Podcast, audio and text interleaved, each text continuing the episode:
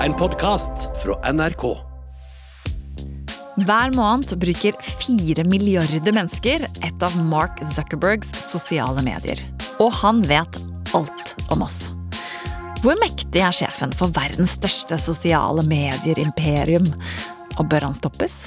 At no point in modern history, or in any human history, has one person had as much control over what we think, what we see, what we do than Mark Zuckerberg. The path forward is to bring people together, to connect more, not less. I think he's very idealistic, but he has too much power. Meta, selskapet bak Facebook og Instagram, skal innføre betaling for tjenesten sin. We are one global community.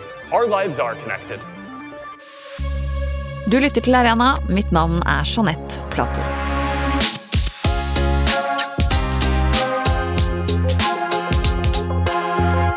Har du en konto på Facebook eller Instagram?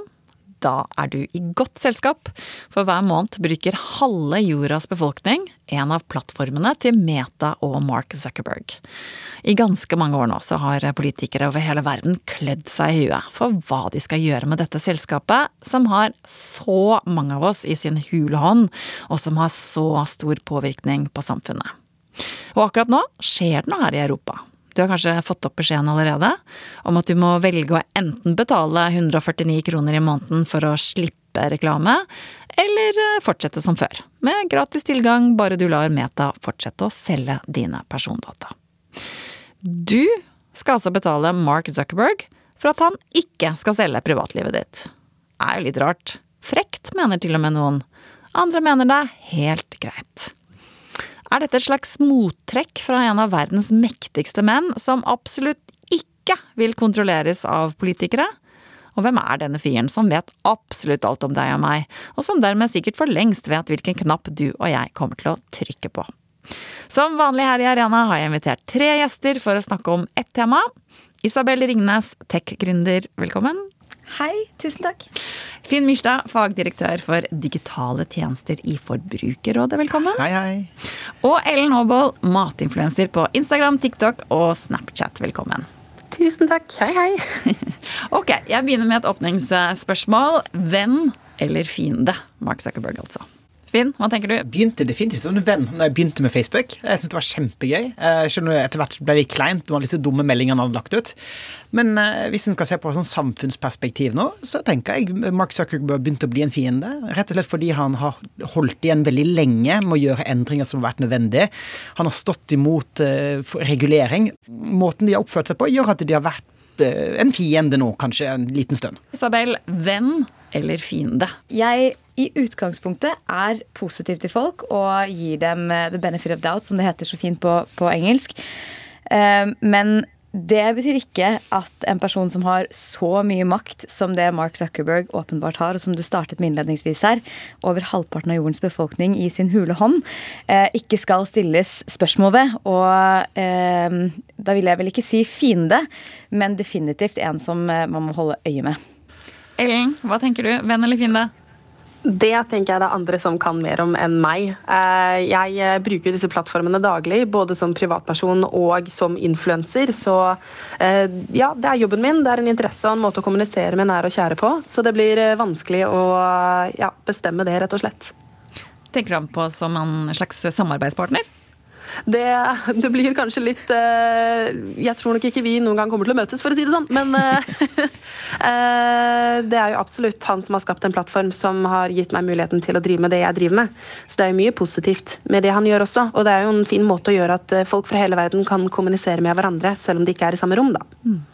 Hvor bekymra er du over hvor mye makt han har? Som meg alene, da, så er jeg egentlig ikke så bekymret. Og jeg tror min generasjon og de yngre generasjonene generelt kanskje ikke reflekterer like sterkt over den bruken av data og den tilgangen som han har. Eh, rett og slett fordi vi har vokst opp med det. Mm. Så ja, det er veldig vanskelig å ta stilling til, og det er så stort. da, Omfattende, rett og slett. Og det er grunnen til at vi skal lage sending om dette her i dag. Nå skal vi grave oss litt inn i det og forstå mer av det hele. Fordi, eh, Finn, Du er litt bekymra over hvor mye makt han har? Absolutt. ok, vi skal snakke litt mer om det. Eh, Finn, vi begynner med deg. Eh, du, jeg vet at du som fagdirektør i Forbrukerrådet, du har fått mange spørsmål de siste dagene fra folk. Hva lurer de på?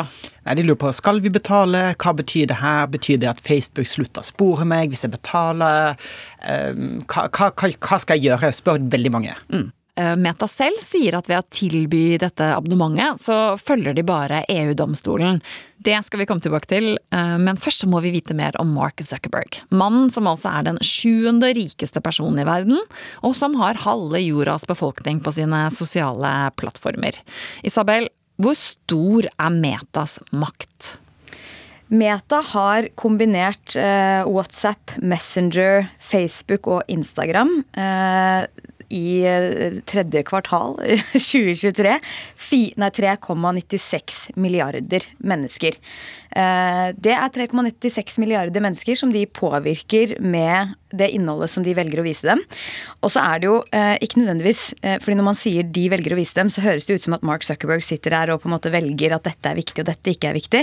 Sånn fungerer det jo ikke. Dette er algoritmer som er skrevet for å optimalisere for tjenesten. Og tjenestens ønske er at vi skal bruke lengst mulig tid der og komme tilbake så ofte som overhodet mulig og være fornøyd med den opplevelsen vi har.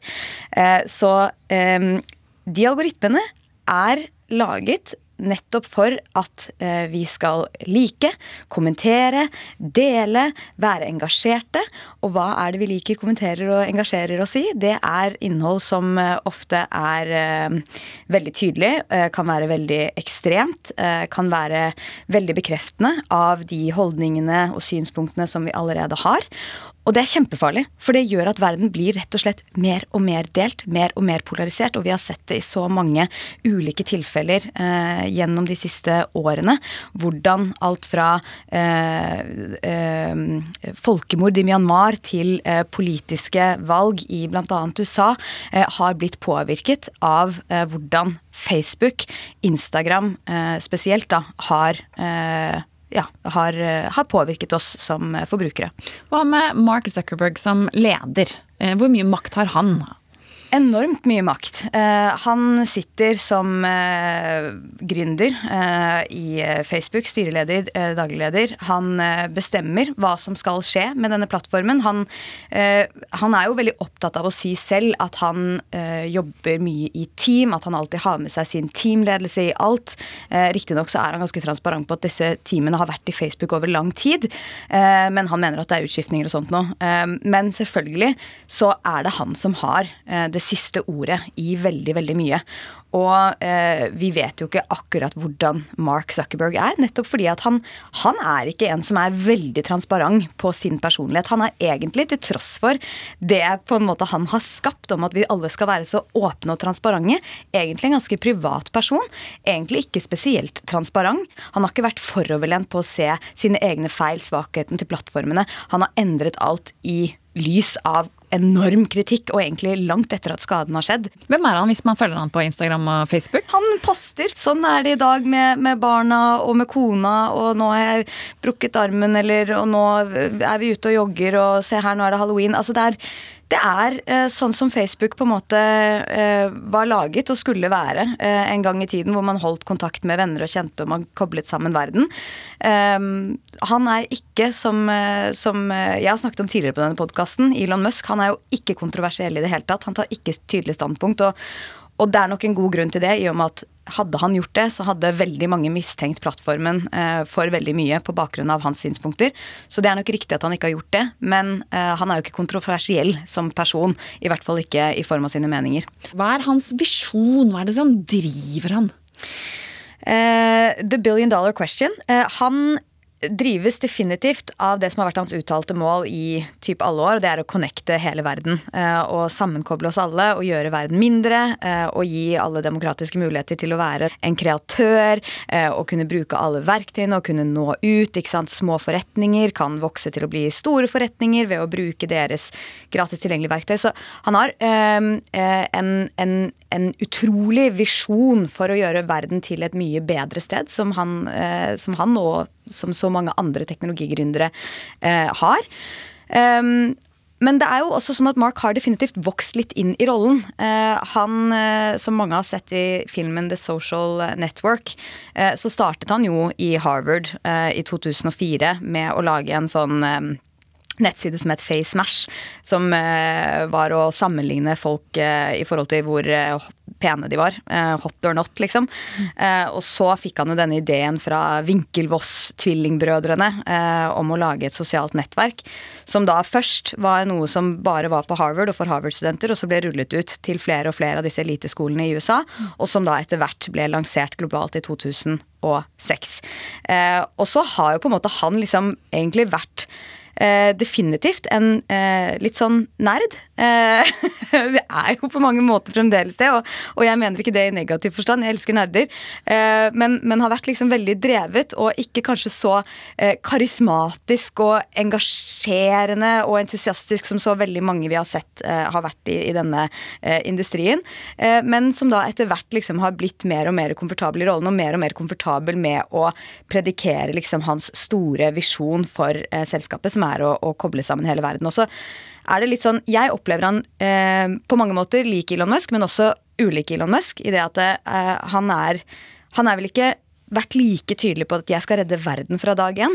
Men eh, det å bli størst og det å bli best, som jo også er en enorm driver for mange entreprenører rundt omkring i verden, det er i hvert fall mitt inntrykk at det har vært mer det som har kanskje drevet Mark Zuckerberg. Og det ser man jo også i bare brukertallene og i de oppkjøpene han har gjort underveis. Han vil ikke miste eh, den globale dominerende posisjonen. Ellen, i dag så kommer vi til å snakke mye om hva som er problemene med, med Meta. Men eh, som matinfluenser så lever du jo av å kunne dele videoene dine på Metas plattformer. Hva, hva er det som er bra med Instagram, f.eks.?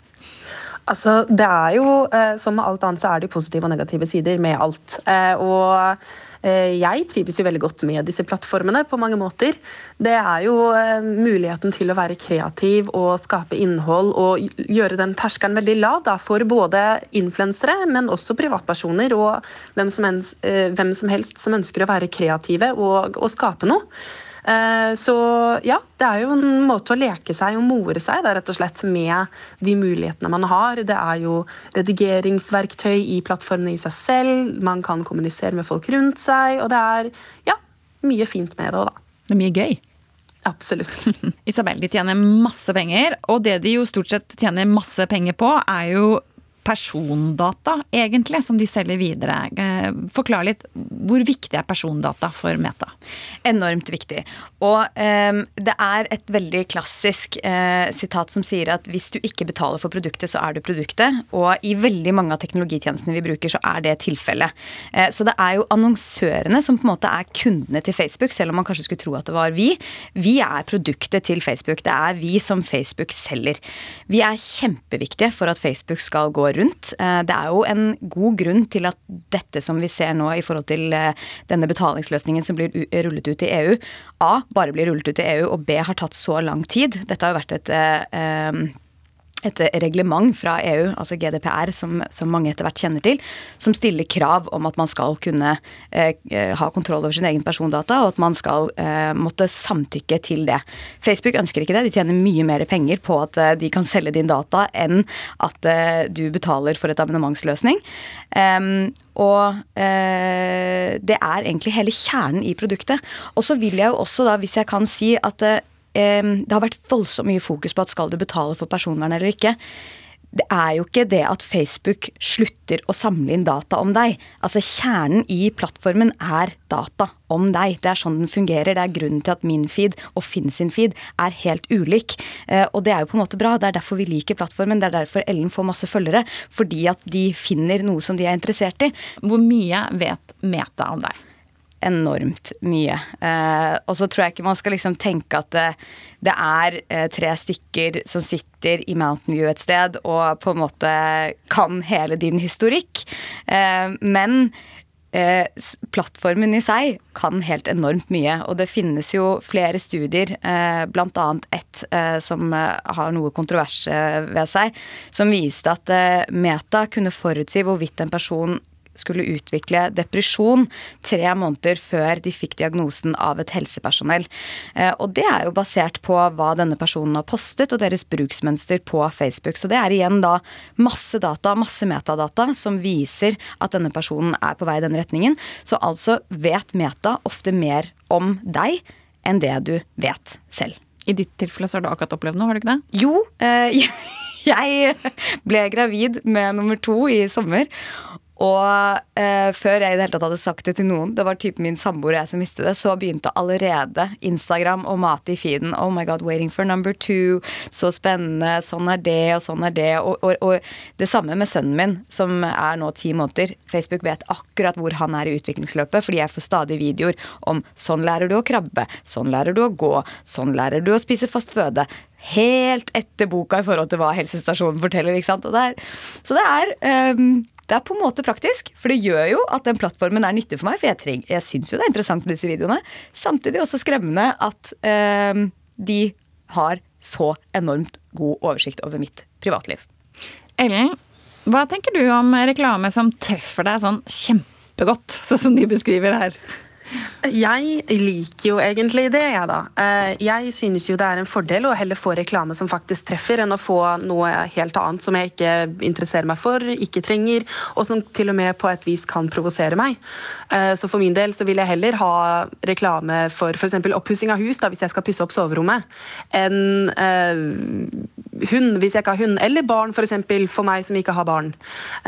Så det, for meg så synes jeg ikke det nødvendigvis er noe negativt. Nei.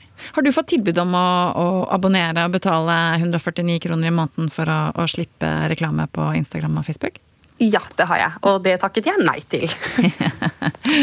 Nettopp. Du vil jo ha den reklamen som er, treffer deg, så det skjønner jeg godt. Ja.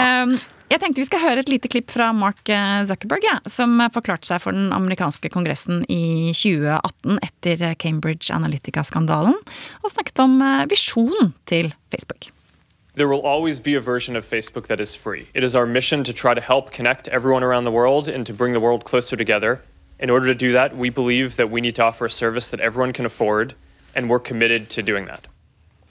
Uh, Finn, det er litt andre toner uh, nå. Først og fremst, hva er det Meta ber oss om å betale for? Veldig enkelt sagt så kan du da betale for å ikke se disse annonsene. Det er det. Men som Isabel sa tidligere, de vil jo fortsatt spore deg like mye som før.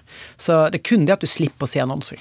Finn, prisen er 149 kroner per måned nå hvis du bruker Instagram eller Facebook på mobil. Men prisen skal opp?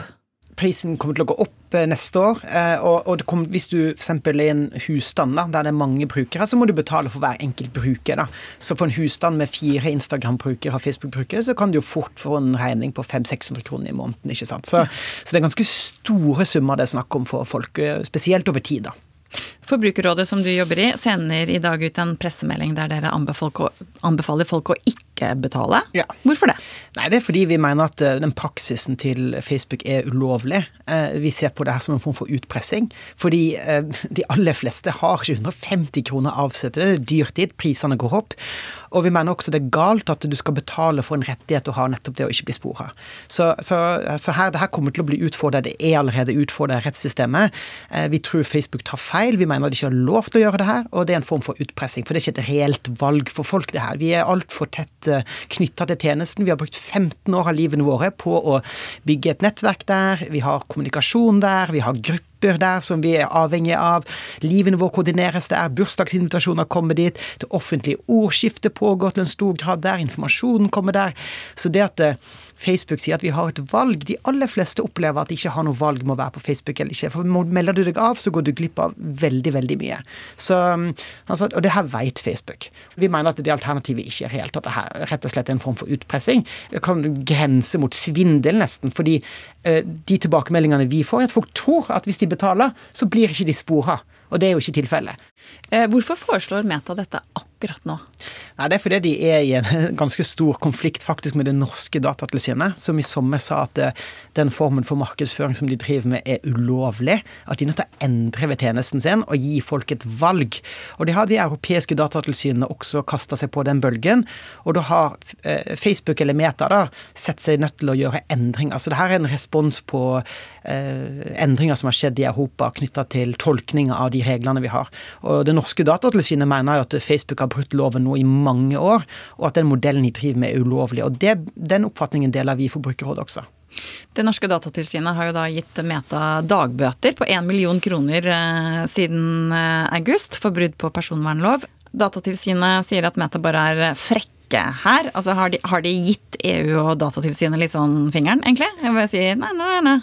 Nei, nei, jeg tror de på en måte de kjøper seg tid, definitivt. For det de vet, er at det her kan de anke. De kan kaste tusenvis av advokater på saken. Det her er jo en veldig kjent, velkjent strategi fra big tech. Eh, som gjør at eh, de må ta nye runder. Eh, det her må gå inn i rettssystemet, det vil bli anka, det vil gå oppover. Det vil ta årevis før det her blir avklart. Og i mellomtiden så kan de både tjene penger på at folk betaler, men også de kan fortsette som før, før det på en måte har blitt avklart i retten. Så, og i mellomtiden så kan de også utvikle nye typer tjenester og kanskje finne andre løsninger, mens de i praksis bryter loven. Så ja. Vi har selvsagt vært i kontakt med Meta og invitert dem eh, til Arena. Eh, både her i studio og til å komme med en kommentar. Eh, vi fikk en e-post, og der skriver Metas kommunikasjonsrådgiver Matt Pollard at selskapet nå følger retningslinjer fra EU-domstolen, og han peker på at domstolen i sommer støttet en betalingsmodell i paragraf 150.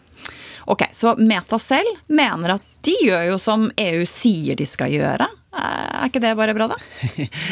Den tolkninga er det nok mange som er veldig uenig i. Der har vi også det norske Datatilsynet. Eh, og vi er også fullstendig uenig i den tolkninga. Eh, og uansett, hvis en skulle fulgt den tolkninga, så er det, ligger det at det skal være en form for proporsjonalitet i forhold til det du betaler. Og den prisen som de har satt, er jo mye høyere enn det du f.eks. betaler for et strømabonnement, som gir deg ganske mye mer for la si, innhold og kanskje eh, verdi. da. Men vi mener prinsipielt at det også er galt, og vi mener også det strider mot loven, det, det de gjør her, på mange nivåer. Det kan være både brudd på markedsføringsloven, men også personopplysningsloven, kanskje til og med også konkurranseloven, ved at de benytter seg av en uh, dominerende markedsstilling og, og, og, setter brukerne i en umulig skvis, for det. de har den dominante stillingen i markedet som de har. Ellen, du er uh, matinfluenser. Du har 60 000 følgere på Instagram. Også på Snapchat så har du 130 000 og 180 000 på TikTok. Altså du er på flere forskjellige medier. Uh, hvordan har uh, dette blitt diskutert på sosiale medier nå i det siste? Altså, Man merker jo at det er en del reaksjoner på det. Og jeg personlig også ble jo ganske satt ut da betalingsløsningen først kom. Det er jo ikke noe å legge skjul på. Hva var det du ble satt ut av? Men det virker Eh, unnskyld? Hva, hvorfor ble du satt ut? Nei, fordi Jeg var bare ikke forberedt på det. og så var det på en måte Man fikk ikke noen mulighet til å altså Man måtte ta stilling til det der og da for å kunne bruke plattformen videre. Mm. Det, det, ble jo som en sånn vegg. på en måte. Enten så må du si ja, ta all persondataen min, eller eh, la meg betale. Og det var på en måte ikke noen mulighet til å komme seg forbi det da, for å først tenke over det. Og Skjønte du da at, du, at det bare var å ikke få reklame? At de fortsatt kom til å ta persondataen din? Nei, absolutt ikke. Det skjønte jeg ikke før eh, det, jeg begynte å lese nyhetene og det begynte å stå der at å ja, det er fortsatt eh, mye som ja, de tar, da, rett og slett. Mm. Mm. Men unnskyld, jeg avbrøt deg. Hva, hva har diskusjonen vært på sosiale medier? Altså, Det virker jo som at eh, folk absolutt reflekterer over dette, og reagerer, ikke minst. Men at eh, i hvert fall av den yngre generasjonen så er det veldig få som kommer til å stanse å bruke plattformene av den grunn. Eh, jeg, jeg er jo av den yngre generasjon og har vokst opp med internett og sosiale medier. Eh, så jeg tror kanskje at vi er litt mindre kritisk til deling av data enn de eldre. Eh, for vi kjenner ikke til et liv uten, rett og slett. Mm. Eh, vi har alltid delt. Og ja, da man, tar man jo litt annen stilling til det, da, kanskje. Mm. Men du er nok ikke alene. Jeg så TV 2 de har laget en undersøkelse på nett. Da var det 11 000 cirka som har svart, og bare 2 har sagt ja til å betale. Eh, så du, du, er jo absolutt ikke alene med å tenke at åh, det er vel Jeg blir vel spora overalt uansett? Er det ikke litt sånn? Ja, det er jo det vi føler. Eh, men så er det jo absolutt viktig å ta vare på egen data. Og jeg er jo veldig glad for å bo i et land som Norge som er oppmerksom på det, og at vi har organer som passer på at datainformasjonen vår ikke blir misbrukt. For jeg tror at veldig mange av oss føler oss litt hjelpeløse. Vi føler på en måte at vi har ikke noe valg, eh, og da er det jo bra at vi har ja, datatilsyn og sånt som sier at hei, hei, dette her er faktisk ikke greit. Her må vi gjøre noe. Men problemet Finn, er vel at Datatilsynet sier at uh, her har vi ikke noe, nok innsyn. Vi vet ikke helt hva de bruker disse dataene til. Nei, det er akkurat det. Og så vil jeg også nyansere bildet om at vi bare får annonser for ting vi er interessert i. Det undersøkelser viser når en først klarer å kartlegge det. Facebook gjør jo alt de kan for at ingen skal få innsyn i hvordan uh, markedsføringsalgoritmene fungerer. Men når uavhengige forskere, journalister og andre har prøvd å kartlegge hva er det folk faktisk ser, så oppdager en jo systematisk diskriminering av enkelte grupper. F.eks. har det vært sånn at jobb, jobbannonser for jobb i vitenskapelig sektor eksempel, har blitt vist til bare menn, og ekskludert kvinner og eldre f.eks. Vi har sett hvordan boligannonser har ekskludert eh, etniske minoriteter i nabolag i USA f.eks. Det som er skummelt med det, er at vi vet ikke på hvilken skala det skjer, for vi får ingen innsyn. Mm. Ellen, hva tenker du om at det er vi som må betale for at Mark Zuckerberg ikke skal selge privatlivet vårt? Jeg synes jo det er litt Altså, det er ganske vanskelig å ta stilling til, da, det må jeg ærlig si. Uh, og det er jo litt frustrerende også, fordi ja, det er jo ikke kanskje det man hadde forberedt seg på, rett og slett. Mm. Men så er vi jo også veldig vant til at vi ikke skal betale for disse uh, plattformene, da. Mm. Og vi betaler jo for det meste annet her i verden, på en måte. Isabel, har ikke Meta bare svart på det personvernforkjempere har bedt om i mange år? Eh, jo, på mange måter så har de funnet en kreativ løsning på å gjøre det. Fordi eh, det er mange personvernforkjempere som har, eh, nettopp som du påpeker, sagt at vi vil ikke at du skal spore oss. Punktum. Og så har det faktisk vært en del personvernforkjempere som har sagt at det må være mulig å kunne betale seg ut av det. fordi på en måte så er jeg jo liksom veldig enig i det Finn sier, i forhold til at man, dette er en slags sånn utpressing for å betale for personvern eller ikke. Men samtidig så Hva er da egentlig løsningen? Fordi eh, det er litt sånn som vi Altså alle eh, aviser i dag ber jo om eh, at du skal betale for et abonnement i måneden som er ca. tilsvarende pris for å da bruke produktet deres, kall det det, altså lese journalistikken. Men litt sånn må man jo på en måte også forvente at en plattform som Facebook, som på en måte tilbyr en enorm verdi til veldig mange brukere, derav Ellen, ikke sant, som, som jo baserer mye av jobben sin på denne plattformen. Eh, noe må vi jo på en måte forvente å gi tilbake. Eh, og hvis det ikke er penger, hva er det da? Så jeg, jeg føler at Eller mitt personlige perspektiv på det her er at vi kan ikke forvente at alt skal være gratis alltid, sånn som vi veldig gjerne vil at det skal være i den digitale verden. Men jeg var jo inne på deres ulike verktøy for å finne ut av hva er det de egentlig bruker, hvordan er det de egentlig bruker det, osv. Og, så og det er altså en labyrint av ulike linker og høyt og lavt og rundt omkring eh, for å komme til bunns i noe. Eh, så jeg tror liksom de kan bli veldig mye bedre på å gi oss som forbrukere forståelse av hvordan vi påvirkes, hvordan vi brukes, gi oss litt mer muligheter til å også da igjen påvirke disse verktøyene, som vi jo har, men som er svært godt gjemt. Og så fint så er det vel noe med at det blir, La oss si at det blir en betalingsløsning her, da, hvor du kan beskytte personvernet ditt uh, på en, bedre enn det kanskje Meta har foreslått nå. Det, det, blir vel også en, en slags sånn skjevhet om at de rike kan gjøre det, og de som er svakere, ikke kan? Ja, det er et veldig godt poeng. Og, og retten til privatliv er nedfelt i Grunnloven. Den er også nedfelt i det europeiske charteret for fundamentale, fundamentale rettigheter, eh, menneskerettighetskonvensjonen. Eh, og, og da, da det blir veldig feil at du skal betale for en grunnleggende rettighet. Eh, så her må jo Facebook, hvis de skal ha en betalingsløsning, så må jo personvernet ligge i grunn uansett eh, på hele tjenesten. Og så må de gjerne innføre betaling for, eh, på en annen måte enn det de har i dag. Men folk skal kunne bruke tjenesten uten å måtte selge livet sitt til Facebook. Er det i det hele tatt mulig? Er ikke det bare grunnstenen til hele opplegget? Ja, der er du inne på noe. Det er grunnstenen, og det, det selskapet er bygd på å samle inn mest mulig data. Også. Men jeg tenker det er kjempeviktig at vi tar denne kampen, for vi er på vei inn i en verden hvor kunstig intelligens, eh, drevet av dataene våre, kommer til å dominere. Og da er det viktig at vi får større kontroll over hvordan selskapene får samle inn data, hvordan de får bruke data. Og da er det å begynne med Facebook, som et av de største selskapene og mektigste selskapene i verden, et godt sted å starte. Og så må han jobbe videre med både Google og TikTok og alle de andre, men her har han muligheten til å sette foten ned. Og det er jeg veldig glad for at det norske Datatilsynet har gjort. Og jeg håper virkelig at de vinner fram, og det tenker jeg vi som forbrukere må heie på. Meta selv mener tvert imot at det er urettferdig at man nå tar ett selskap, og ikke de andre. Isabel, hva med Metas argument om at det er jo helt frivillig å være på disse plattformene? Det er ingen som tvinger oss. Ja, Det er vel en sannhet med modifikasjoner. Hvis du skal være en del av det moderne samfunnet, og de aller fleste jobber i dag, eh, og en del av vennegjengen, rett og slett, så er det på en måte eh, forventet at man er på disse plattformene. Om det er Facebook eller WhatsApp. Um, så det å si at eh, ja ja, nei, nei, men bare ikke vær der, da. Det er, det er en forenkling. Det, det, beklager Facebook, men dere er blitt eller Meta, dere er blitt så viktige at dere faktisk er et nødvendig onde, kalle det, i, i livene våre. Og så, når jeg hører på både Finn og Ellen, så, så opplever jeg liksom at det er sånn, litt sånn to konkurrerende livssyn eh, i det som vi står i nå, hvor, hvor vi har på en måte eh, Finn og jeg er jo litt av den eldre generasjonen. Eh, hvor vi er jo ikke vant til det eh, som Ellen beskriver. At man bare eh, blir født inn i en verden hvor man egentlig spores, trackes fra du er født. Eh, til det andre, som er liksom at vi vet ikke hva konsekvensene er ennå. Fordi vi har allerede levd ti år hvor vi har sett at vi, Facebook kom, det var helt hallelujastemning. Alle skulle bli koblet sammen. Dette skulle bare være helt fantastisk.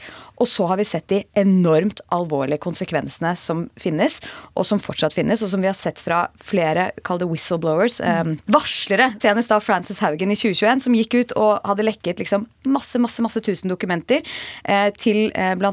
journalister, eh, hvor, eh, som viste veldig tydelig at Facebook vet veldig godt hvordan de har en negativ effekt på eh, opinionen men også på enkeltmennesker, deriblant unge mennesker. Og de ser hvilken konsekvens det har på deres mentale helse. Vi skal forflytte oss litt til USA. For eh, som du påpekte, Isabel, dette tilbudet om å betale for å slippe reklame, da, det er bare i Europa. Eh, I USA så er det litt andre type debatter som pågår akkurat nå. Um, i, der er det bl.a. en rettssak hvor 33 stater har gått til sak mot Meta, hvor det hevdes at selskapet har lurt barn og unge til å bli avhengige av sosiale medier. Og så er det akkurat vært en høring i Senatet hvor en tidligere Facebook-leder fortalte at han varslet Zuckerberg og finanssjef Sheryl Sandberg om det skadelige innholdet om sex, slanking, drugs som hans unge datter fikk opp på Instagram, men at de ikke gjorde noen ting med saken. Hva, Finn, hva er det de prøver å oppnå med disse rettssakene og høringene i USA nå? Det har nok vært en sånn skikkelig oppvåkning for politikerne å se hvordan det har en, en, en, gigantisk negativ effekt på veldig mange.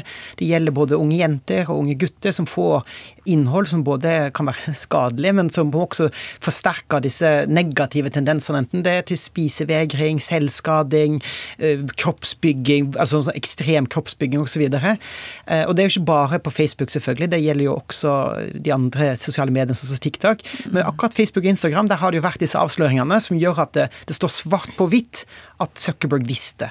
Eh, og de andre sjefene i Facebook de visste, og de gjorde ikke nok for å beskytte det. Så det her er jo et forsøk på å prøve å holde selskapet ansvarlig. Og så får jo tiden vise om, om de når fram med det. Men det at så mange stater går sammen, det har omtrent aldri skjedd i historien før. Eh, Meta selv mener de har svart på denne kritikken ved å rulle ut rundt 30 foreldrekontrollverktøy som gjør at man kan regulere hvem barna chatter med, og hvor mye tid de bruker på Facebook og Instagram. Eh, og talsperson Andy Stone har uttalt etter den siste høringen at Meta hver dag jobber med å holde unge brukere trygge online, og at de har verktøy for tenåringer som må kunne hemmelig mute andre brukere. 23.10 var Zuckerberg gjest i podkasten Hubberman Lab, og da sa han dette om tryggheten til barn og unge på sosiale medier. So we work hard on all these different problems, you know, making sure that we're helping connect people as best as possible, helping make sure that we give people good tools um, to block people who might be bullying them or harass them, or especially for younger folks, you know, anyone under the age of 16 defaults into an experience where their experience is private. We have all these parental tools, um, so that way you know parents can can kind of understand what what their children is up to and are up to in a good balance. Ellen, jeg må spørre deg. Altså, det er eh, ganske stort at alle disse statene har gått sammen, som Finn sier. Og så har faktisk da demokrater og republikanere de har gått sammen om å gi Meta mye av skylda for en mental helsekrise i USA. Altså, Hva tenker du om det når du, du hører om dette her, om, om rollen Instagram og Meta spiller for eh, unges mentale helse? Det er kjempeskummelt, og det er jo absolutt bekymringsverdig. Og det er jo noe vi har sett de siste årene, at det har kommet studier på.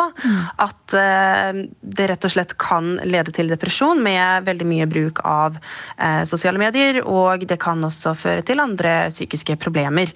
Uh, og jeg har ingen løsning på det, men eh, absolutt, det er jo skummelt. Og jeg prøver jo å gjøre mitt beste for å kunne påvirke i en positiv retning innenfor det, med min plattform og til mine følgere. Mm. Men eh, det er jo et mye større organ der, og ja, mange flere som er involvert, da. Eh, Isabel, eh, to av senatorene ble intervjuet etter denne høringen i Senatet. Eh, og de sammenlignet Meta og Google med tobakksindustrien, som brukte store penger på lobbyvirksomhet for å bremse nødvendige lovendringer. Store penger. Vi må bare et lite øyeblikk stoppe opp. Hvor bra økonomisk går det for Meta? Helt enormt bra. Eh, det er i stadig vekst. Eh, det er jo eh, altså Der har Mark vært veldig flink i det at han har gjort veldig mange strategiske oppkjøp. fordi hver gang han har sett en ny trend, en ny applikasjon, så har han rett og slett bare gått til det steget at han har kjøpt disse selskapene. Han kjøpte jo Instagram for 1 milliard dollar i 2012, som var liksom et enormt beløp på det tidspunktet. Nå virker det jo veldig lite. Eh, og i 2014 med Elon Musk, hva ja, betalte han? 40 milliarder ikke sant, for eh, X, eller Twitter som det da het, eh, i fjor. Eh, og så kjøpte han WhatsApp i 2014 for 19 milliarder, og så kjøpte han Oculus, eh, som på en måte har vært en del av liksom hele det steget inn i metaverset, eh, som, som, Facebook rebrandet seg som i 2021. Han sliter ikke? Han sliter ikke. Han gjør det svært godt økonomisk. Um, vi må oppsummere litt og avslutte. Uh, jeg tenker, eh, Finn, kommer noen, enten det er EU eller andre, til å klare å endre på Mark og Metas uh, enorme makt her? Vi må det. Vi må det. Vi, må lykkes med det her. Og, jeg tenker Vi er nødt til å holde selskapene ansvarlig. Og f.eks. det der med å, lempe ansvaret på foreldre, så gjennom foreldrekontroller sånn, det er fullstendig en, igjen en sånn der eh, skyggelegging fra Facebook. Ansvaret ligger på de, på selskapet. Det er de som må endre sine skadelige algoritmer. Det er de som må fjerne de eh, avhengighetsskapende mekanismene. Så, er det sånn at andre tech-selskaper sitter og følger nøye med nå? Google og ja, ja, ja. Snap og TikTok og hele gjengen? De sitter nok bare helt stille i båten og er veldig glad for at Facebook får så mye negativ oppmerksomhet. Men Google de gjør veldig mye, de òg. Og TikTok også. Sånn, så her må vi, vi må se det her i sammenheng, og vi må være mer føre var. Så jeg skulle ønske at norske politikere var enda mer på banen når det kom til teknologi og politikk. Mm. Ellen, hva tenker du etter å ha hørt på alt dette her? Kommer eh, vi, eller EU eller andre til å klare å endre på Mark og Metas makt? Jeg håper jo det, eh, og det tror jeg de fleste gjør. Selvsagt gjør man det. Eh, og så får man jo krysse fingrene for at det skjer. Og så får man jo prøve å bare ja, snakke om det, skape diskusjon rundt det og oppmerksomhet, da, rett og slett, i mellomtiden. Mm. Takk for at dere tre var med eh, i Arena denne uken. Det var altså Isabel Ringnes, tech-gründer, Finn Myrstad, fagdirektør for digitale tjenester i Forbrukerrådet, og Ellen Aabold, matinfluenser på Instagram, TikTok og Snapchat. Husk å abonnere på Arena i appen NRK Radio. Da blir du varslet hver gang det kommer en ny episode. Arena lages av journalist Jostein Gjertsen, vaktsjef Andrea Kvamme Hagen, kulturredaktør er Helene Hillestad, og jeg heter Jeanette Plato. Takk for nå!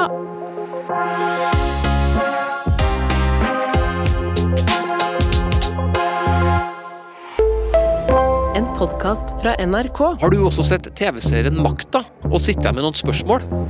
Det har i hvert fall jeg. Jeg heter Torkil Risan og lager podkasten Seriesnakk. Her får jeg serieskaperne og skuespillerne i serien til å ta det med bak i kulissene, men også dem som faktisk var der da det skjedde, til å fortelle sine historier. Og lurer du på noen ting, så kan du stille spørsmål til de involverte i appen NRK Radio. Hør Seriesnakk i appen NRK Radio.